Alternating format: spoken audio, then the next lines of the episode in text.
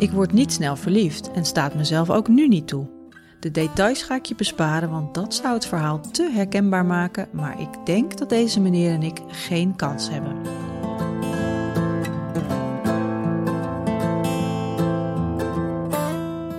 Die meneer zit in mijn hoofd, maar laat ik me nou meeslepen door een maatschappelijke norm die de romantische liefde boven alles stelt?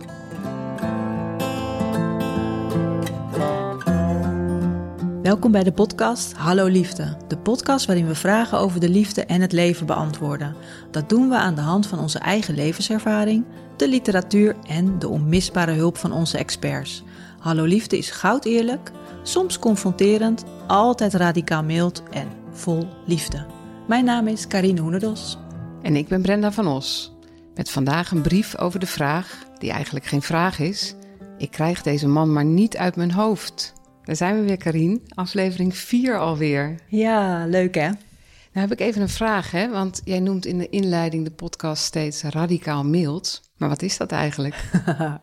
ja, dat weet jij wel, maar uh, de luisteraars niet. Maar radicaal mild, dat is iets wat ik, uh, nou, ik denk een jaar of twee met mezelf heb afgesproken. Dat ik graag radicaal mild wil zijn. En volgens mij wil jij dat ook. En radicaal Zeker. mild betekent dat je altijd bedenkt hoe de ander tot zijn gedachten of daden komt. Dat je probeert in te leven altijd in anderen. En ook wel in jezelf, dat je ook wel mild naar jezelf bent. Dus milder naar anderen en milder naar jezelf. Ja, dus als je iemand op straat jou heel chagrijnig bejegent, dat je denkt nou, hij heeft vast een rotdag. Of uh, als iemand voordringt in de winkel, nou, die heeft vast haast. Ja. En niet dat je nou zo'n zo'n watje begint te worden, maar gewoon dat je steeds nadenkt van, nou, er kan best iets achter zitten. En dat is dat radicaal mild. En zo probeer ik ook naar mezelf te kijken, dat ik de dingen die ik doe, die ik niet zo slim doe of niet zo aardig zijn, dat ik denk, ja, oké, okay, kan jou ook gebeuren.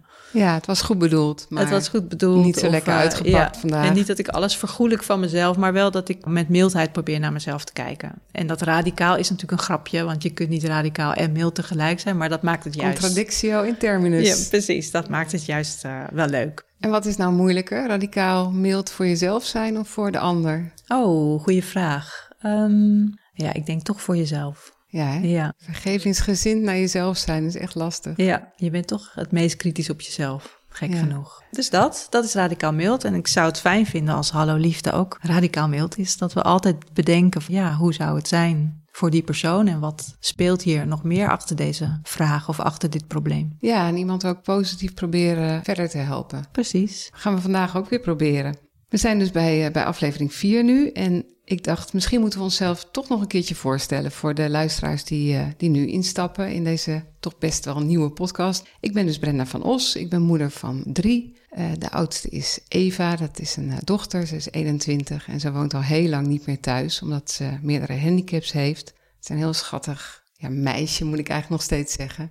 En ik ga er straks uh, weer ophalen voor het weekend. Dus ah, daar kijk ik erg naar uit. Gezellig. Ik ben gescheiden en ik heb een nieuwe liefde in uh, Brabant. Wij latten dus. En dat hadden we eerder genoemd. En toen kregen we een reactie van een uh, jonge meid van 18. En die zei, wat is dat toch, dat latten waar jullie het de hele tijd over hebben? ja, nou, grappig. Living apart together. Precies, ja. dus we wonen niet samen, maar we zijn wel samen. Nou, verder hou ik van hardlopen en van het goede gesprek natuurlijk. Nou, zal ik me dan ook voorstellen. Ik ben Karine Hoenderdos. Uh, ik ben een jaar vrij geweest en ik werk nu weer.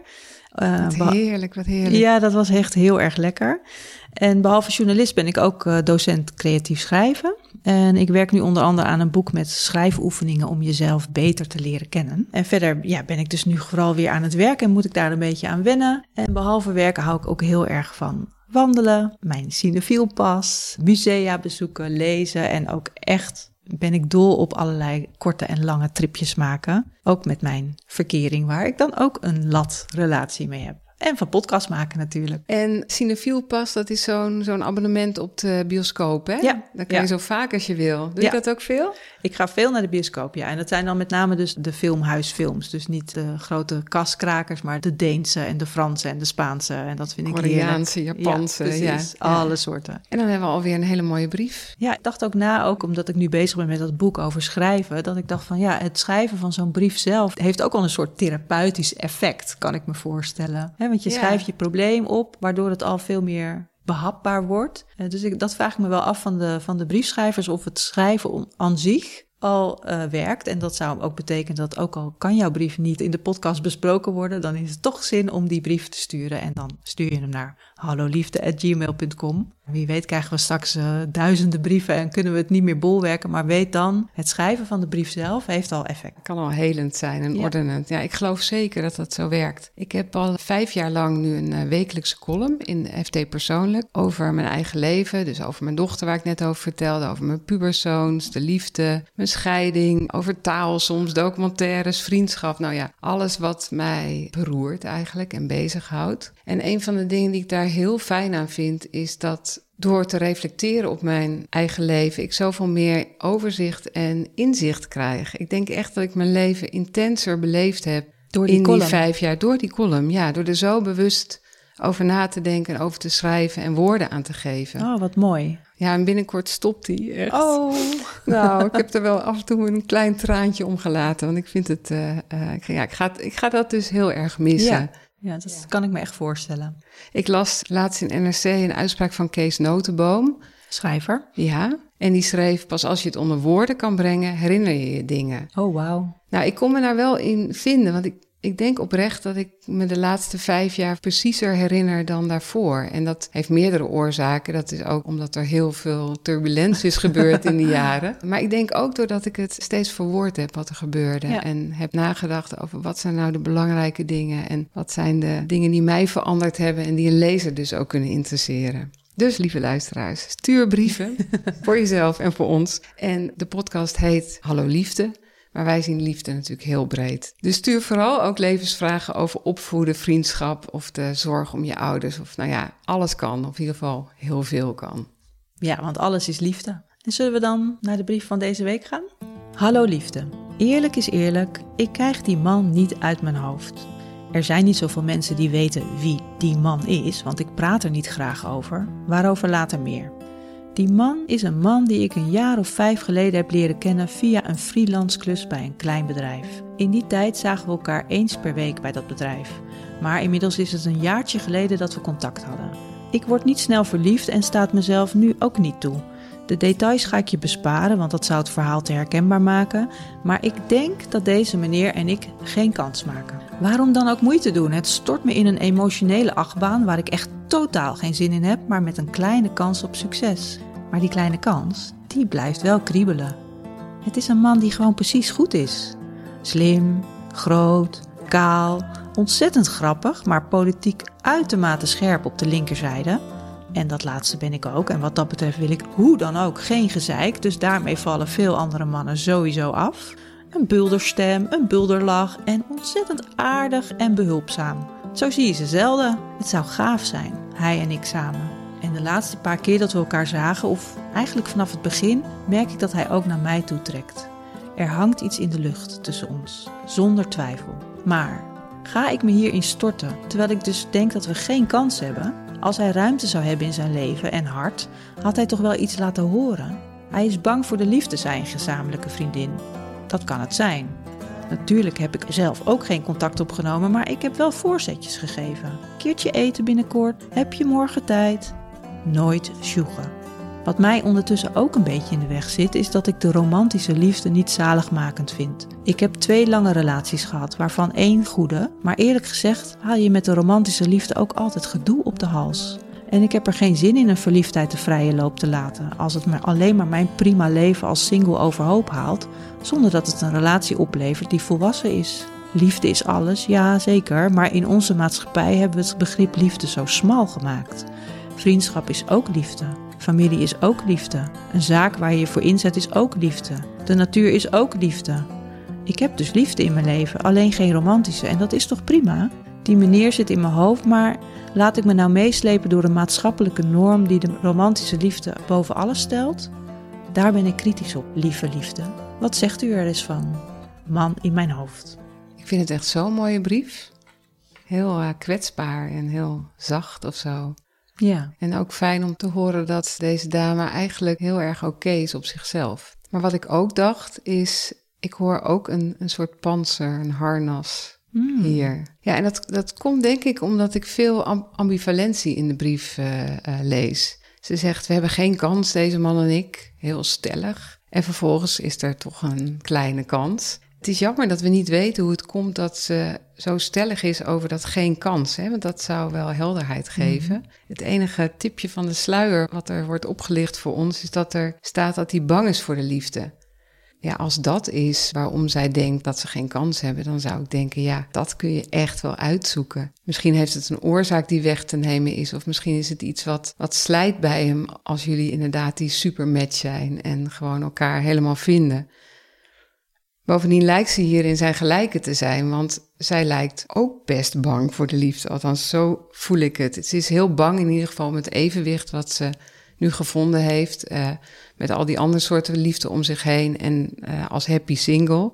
Om dat te verliezen. En dat is eigenlijk die ambivalentie nummer twee. Ze zegt dat ze niet wil voldoen aan die maatschappelijke norm. Maar ik heb ook het gevoel dat dat een rationeel argument is, wat ze er een beetje bijsleept. En wat natuurlijk heel goed en krachtig uh, klinkt. Maar wat een beetje haar eigen liefdesangst toedekt. Hmm, dus eigenlijk is ze ook bang. Ja, dat denk ik wel. Tenminste, zo voel ik dat. Ja, ja dat zou heel goed kunnen. En als we hier toch twee liefdesbange mensen hebben die eigenlijk heel graag samen willen zijn, dan snap ik de angst. En ik snap ook dat er wat te verliezen valt voor beide. Maar ja. Er valt ook veel te winnen. Ja. Ja, ik denk dat ik er ongeveer ook zo over denk over de, toen ik deze brief oh, zijn we het las. Eens? Ja, we zijn het eens. Mag ook een keer, hè? Ja. nou, met als, als aanvulling dat ik me ook best wel kan voorstellen dat het leuk is om zo'n onbereikbare man in je hoofd te houden. Oh. Zo als klein cadeautje voor jezelf waar niemand van af weet. En uh, dat het leuk is om af en toe aan te denken en even bij weg te dromen. En dat dat ook genoeg kan zijn. Mm. Dus als ze echt denkt van het is niks, het wordt niks, we passen niet bij elkaar of er zijn allerlei bezwaren die waar, in, wij, niks van weten. waar wij niks van weten, dan zou dat ook nog kunnen. Dan zou ze ervoor kunnen kiezen om het niet als iets problematisch te zien, maar als een klein genoegen. Maar dat is wel mooi, ja. Maar had jij ook het gevoel dat er bij haar evenzeer angst zit? Ja, zeker. En van, ja, mijn leven is nu goed en ik heb liefde in mijn leven. Maar ja, als het dan toch blijft prikkelen en, en dat ze toch blijft denken aan die man, denk ik, ja, het is toch zonde om er niks mee te doen. En ik moest ook denken aan wat Karijn Breuning zei in aflevering 2 over die, die vier vragen die je zelf kunt uh, stellen. De vragen van Byron Katie? Ja, precies. Ja. Uh, als zij zegt van het kan tussen ons niks worden. En dat je dan eens vraagt, is dat waar? En weet je echt heel zeker dat dat waar is? En ik denk dat ze daar voor zichzelf ook nog niet het antwoord op heeft gevonden. Dat ze eigenlijk wel denkt dat het niet helemaal waar is. Nee, dan ging het ook verder met die vraag, als ik me goed herinner. Wat als dit waar is? Wat als je dit zou geloven dat dit Ja. waar is? En wat? als je het niet zou geloven? Ja, precies. Ja, en dan kom je natuurlijk uiteindelijk toch uit op, ja, als het niet helemaal waar is, misschien moet ik er dan iets mee. Ja. Of wil ik er iets mee. het is precies. natuurlijk aan haar. Maar goed, als ze het zou proberen, dan loopt ze het risico dat ze gekwetst wordt. Ja. En dat is altijd eng om dat aan te gaan. Ja, maar ik vond het wel heel mooi hoe- ze dat omschrijft van de romantische liefde. En dat het zo smal is en dat de liefde zoveel breder is dan dat. Hè. Dat sluit ook aan bij onze oproep eh, om brieven over meer dan alleen maar de romantische liefde te sturen. Dat is natuurlijk ook zo. Zeker. En Ja. ik kan me heel goed voorstellen dat een leven heel vervuld kan zijn met liefde van familie, vrienden, mooi werk. Van allerlei aard, ja. En wat zei de expert ervan, Ja. Karin? Zal ik dat eens vertellen? Nou, ik heb deze brief voorgelegd aan een psycholoog en zij heet Vera Zonderop. En zij is een psycholoog die in een huisartsenpraktijk werkt, de huisartsenpraktijk Dillenburg in Alphen aan de Rijn. En ze heeft ook een eigen website en dat is veerkrachtigeleefstijl.nl. Hmm. Vera, veerkracht, ik denk dat het daar vandaan komt. Nou, om te beginnen vond ze die eh, brief heel erg leuk, net als wij. maar Ook een mooie brief. En zij merkte op dat die briefschrijver last heeft van een beetje zwalkende gedachten, wat jij ook al zei. Hè? Mhm. Of zoals zij dat dan psychologisch noemt, cognitieve dissonantie. Oh dus ja, dat je de mooi. ene keer dit gelooft en de andere keer dat gelooft. Hè? Het ene moment wil je die man wel benaderen, het andere moment denk je nee. Wat ze verder dacht, is dat de man in mijn hoofd wel een stevige interne criticus heeft. Dat vermoedt Van ze. wat ze mag en niet mag. Ja, zo'n stemmetje dat altijd wel een keertje ja maar roept en eh, weet je het wel zeker en is dit wel weggelegd voor jou, Eh, dat soort gedachten. En dat ze daardoor best wel veel in haar hoofd zit. Dat ze niet zozeer denkt aan haar gevoelens, maar meer dat probleem dan eh, rationaliseert, er heel veel over nadenkt. Nou, dat sluit aan bij wat ik ook voelde. Hè. Haar stelling dat het over een maatschappelijke norm gaat, is zo, zo bedacht. Ja, En hoezeer ze daar ook gelijk in heeft, dat kan ook voorbij gaan aan haar gevoelens. Nou, precies. Dat dacht Vera dus ook. En ze heeft natuurlijk, net als al onze experts, ook wel wat vragen aan de briefschrijver. Want dat is natuurlijk het frustrerende. Want je zou haar tegenover je willen hebben en dan uh, doorvragen. Maar dat kan niet. Dat vind ik ook wel mooi hoor, aan het concept van een brief is een brief en daar moet je het mee doen. Maar ze heeft wel wat vragen aan onze briefschrijver die ze zichzelf zou kunnen, bij zichzelf zou kunnen onderzoeken.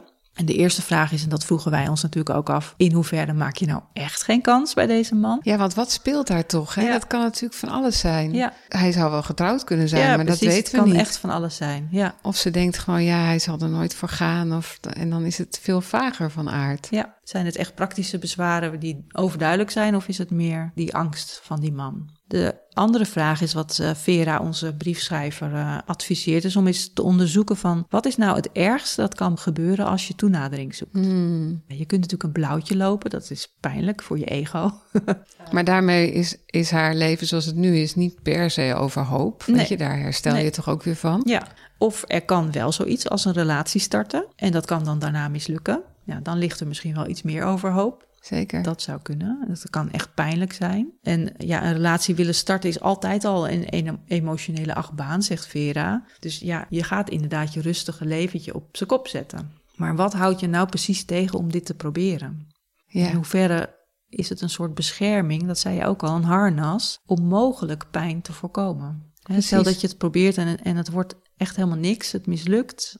Voor zover relaties kunnen mislukken, dat vind ik ook altijd wel een interessante gedachte. Maar goed, dan weet je in ieder geval wel waar je aan toe bent. En dan kan die man misschien uit je hoofd verdwijnen. Nou, dat vind ik ook wel een mooie van jou. In hoeverre kan een relatie eigenlijk mislukken? Ja, Want stel dat ze het proberen en dat ze... Ja, dan, dan, daar haal je toch altijd weer wat uit. Zeker als het iemand is die je zo raakt. Ja en, dat, en dat zou jammer zijn als je, het om die, als je denkt van het moet wel lukken. Dan zet je jezelf natuurlijk wel meteen voor het blok. En dan is lukken in haar ogen misschien tot de doodse scheid, zeg maar. Nou ja, of in ieder geval die serieuze volwassen relatie eh, waar ze Ja. het over had. Want dat zou Vera de briefschrijver ook nog willen vragen. om haar ideeën over die romantische liefde is, is goed te onderzoeken. Want ze heeft het dus over een serieuze volwassen relatie. Maar ze zegt, ja, dat is eigenlijk al een onwijze stap verder. Als je nog überhaupt iemand moet benaderen en als er nog iets moet ontstaan. Als die nog niet eens zeker weet of die klik er echt wel is. Je hebt bij wijze van spreken nog nooit gezoend samen. Ja, Dus dat is ook wel interessant. Er is dus al een, een groot verhaal in haar hoofd, een grote uitkomst, terwijl er nog niet eens echt iets is Oh, gebeurd. En bedoelt ze dan ook dat er misschien ook als uitkomst een hele mooie vriendschap van zou kunnen komen? Ja, of een keer lekker zoenen. Ja, Ja, het kan natuurlijk allemaal, het kan natuurlijk alles zijn. alles kan. Maar ja. in haar hoofd is er dus die uitkomst van een volwassen serieuze relatie lijkt wel als enige mogelijke uitkomst. Mhm. En daarmee leg je de lat wel meteen super hoog. Ja, En eh, nou ja, Vera zegt inderdaad van er zijn zoveel maatschappelijke, best wel vaste relaties over wat een relatie is en wat romantische liefde vaste is. normen. Vaste normen, ja, precies. Maar zij zegt, nou ja, als jij, jij bent natuurlijk helemaal vrij om er je eigen draai in te vinden samen met die eh, slimme, kalende, grappige, grote, wat was hij nog meer, man. Bulderende lach. Bulderende lach, me. ja, die vind Ja. ik wel goed, ja. Ja, Ja, ja. heerlijk. En dat, dat hebben wij zelf ook gedaan, hè? an- Met, met gewoon een vorm die, die net anders is dan anders. Ja, en die past bij je leven op dat moment. En Vera zegt, stel dat ze nou echt helemaal niks te maken zou hebben met welke maatschappelijke norm dan ook. Wat zou je dan doen? Wat zou je dan voor een relatie willen? Ja. In wat voor vorm? Ja, lijkt ook een beetje weer op zo'n Byron Katie vraag. Hè? Stel dat je dit los zou laten, wat blijft er dan over? Ja, want het is ook niet zo dat haar leven, waarin ze nu zelfstandig zich beweegt en alleen woont en heel veel vrienden en familie ziet, dat dat per se niet te verenigen is met een, een leuke man. Nee, dat zou een hele goede aanvulling kunnen zijn. Ik denk, denk dat ze dat ook wel voelt. Dat ook misschien wel wil. Nou ja, ze Als optie schrijft ziet. ook niet voor niets een brief Nee. tenslotte. En Vera die noemde een, eh, een klassiek psychologisch model. Dat heet de driehoek van de liefde. Ontwikkeld door een meneer Sternberg. En die driehoek heeft eh, drie punten. Nou ja, oké, dat hebben driehoeken natuurlijk altijd. Eh, de eerste punt is intimiteit en vriendschap. Het tweede punt is passie en romantiek. En het derde punt is toewijding en wederkerigheid of commitment. Dus in hoeverre je ervoor kiest om die relatie te blijven hebben met elkaar. Mhm. Daar zit de diepgang, zeg maar, en de Nou, het- serieusheid. Ja, de serieusheid zit daar meer van. Ja. We, wij zijn bij elkaar en we blijven bij elkaar, die Ja. gedachten. En eh, die drie punten, volgens die Sternberg zijn er dus allerlei varianten mogelijk. De ene punt kan in een relatie veel duidelijker uitgesproken zijn dan de andere punt. Dus intimiteit zonder commitment. Ja, vriendschap met commitment, maar zonder passie of eh, romantiek. Dus er is van alles mogelijk. En je hoeft dus ook niet alle punten te hebben van de driehoek. Wil je een relatie hebben? Dus opnieuw, je mag het zelf invullen zoals je je, mag het het hebben zelf wil. invullen. Ja, En de ander natuurlijk. En Sternberg zegt dan wel dat de ideale romantische relatie op de een of andere manier wel die drie aspecten in zich heeft. Maar in hoeverre dat dan belangrijk is. Het ene aspect kan veel belangrijker wegen dan het eh, andere aspect. Het is nog steeds aan de briefschrijver zelf en aan die bulderende lachman om dat dan samen uit te zoeken. En ze tipte ook nog een YouTube-video over de driehoek van de liefde. En die eh, zal ik even in de show notes ook eh, Ja, erbij dan zetten. kan de luisteraar dat nog zelf even bekijken. Nou ja, ze heeft dus ook een hoop vragen, maar vooral van denk daar nou eens over na en wat houd je nou precies tegen. Maar één ding is zeker, Vera vindt dat een man in mijn hoofd echt in actie moet komen. Dat ze hier iets mee moet doen. Ze zegt van ja, liefde is ook een stukje overgave en de controle loslaten. Dat is spannend, maar het is wel nodig, anders kun je die liefde niet ervaren. Ja, en het kan zoveel opleveren. Ja, Ja, ik, ik vind ook. ook, eh, dat ze ervoor moet gaan. Ja, nou, Ja. het in ieder geval moet proberen. En de lat niet zo hoog leggen. En zij zegt ook van, nou, wat stel je voor dat die man liefdesbang is en jullie elkaar alleen om die reden zouden missen. Ja, hoe jammer zou dat zijn? Of stel dat je later terugdenkt en je spijt krijgt dat je het niet hebt geprobeerd. Mensen krijgen meestal spijt van dingen die ze niet proberen. Hè? En niet van dingen die ze wel hebben uitgeprobeerd. Nou, precies. Of stel dat je niks doet en hij uiteindelijk een andere relatie krijgt. En. Ja, auw. dus Vera zegt, kom op, probeer het. Nou, dit is ook weer echt zo'n brief waarvan ik hoop dat we een update krijgen. Ik ben echt heel benieuwd. En dan komen we natuurlijk alweer bij jouw boekenrubriek. Ja, er zijn natuurlijk best wel veel boeken over onmogelijke liefdes. Dat is wel echt het thema voor hele grote literatuur. Maar uiteindelijk heb ik gekozen voor Bridges of Madison County. Hmm, klassieker. Ja, ook dat is een klassieker. Die is eh, uit 1993, zag ik. Dus precies eh, een 30-jarig jubileum voor dit boek. En het is een, eh, een prachtig boek. En het is ook weer prachtig verfilmd, net als de vorige keer. Dat doe ik gewoon voor de luisteraars die niet van lezen houden, denk ik. en eh, het is verfilmd met Clint Eastwood en Meryl Streep. Over klassiekers gesproken. Ja, het zijn ook allebei ook klassiekers inderdaad. Het is geschreven door eh, Robert Waller en het gaat over eh, een liefde tussen een fotograaf en een vrouw die op het Amerikaanse platteland woont. En het is ook een onmogelijke liefde. Hoezo ook? Oh, ja, heb je gelijk in. In dit geval is het een onmogelijke liefde. In ieder geval kiest de vrouw ervoor om niet eh, met deze liefde mee te gaan omdat ze getrouwd is. Maar ze blijven elkaar altijd volgen. En het is heel oh, mooi. dat is ook wel Het romantisch. is een heel het zijn mooi- ook liefdes in hun hoofd. Nou, eigenlijk wel. Ja. nou eigenlijk, dat klopt precies. Ja, eigenlijk zijn het bij allebei daarna een liefde in hun hoofd. Nou, mocht dat zo zijn voor man in mijn hoofd, als hij in jouw hoofd blijft, nou, dan kun je er misschien op die manier eh, van genieten. Dan schoot mij eigenlijk ook nog een boek te binnen bij dit. Ah. eh, ehm, ik moest heel erg denken aan het boek van Marijke Schermer. Dat heet Liefde als dat het is. En dat is een stuk eh, recenter, uit 2019. En ook heel eigentijds in, eh, in schrijfstijl. Ik vond het waanzinnig goed geschreven. En het vertelt het verhaal van David en Terry, heet zij, eh, die na een lang huwelijk uit elkaar gaan, want Terry is verliefd geworden op een ander. David wordt dat uiteindelijk ook en er speelt ook nog een puberliefde doorheen van hun dochter. Maar waarom moest ik hier nou aan denken? Dat hele boek gaat over de innerlijke strijd tussen autonoom willen zijn, onafhankelijk willen zijn, ook een partner hebben die dat heeft. En aan de andere kant je verbinden aan een ander en daarmee ook soms iets van jezelf inleveren. Dus wie ben ik met de ander, wie ben ik zonder de ander en wat wil ik nou eigenlijk van de liefde? Ja, mooie aanvulling. Ik vond het ook echt een prachtig boek. Ik heb het ook gelezen. Onwijs mooi geschreven. En als ik me niet vergis, is eh, Marijke Schermer een eh, toneelschrijver, een schrijver voor theater. Ah, En dat merk je wel in dat boek, vind ik. Dat er hele mooie dialogen vooral zijn. Echt heel geloofwaardige dialogen. En dan zijn we alweer aan het eind van deze aflevering. En de volgende keer gaat het over de vraag: kan je je eigen verliefdheid wel serieus nemen? Oh, dat is een mooi onderwerp. Ja, Ja, ik denk dat we daar allebei ook uit eigen ervaring wel iets Ja. over kunnen zeggen. wij hebben wel verliefdheden die we misschien te serieus hebben genomen, inderdaad. Ja, zeker. Nou, dat volgende keer. Je luisterde naar Hallo Liefde, de podcast waarin we vragen over de liefde en het leven beantwoorden.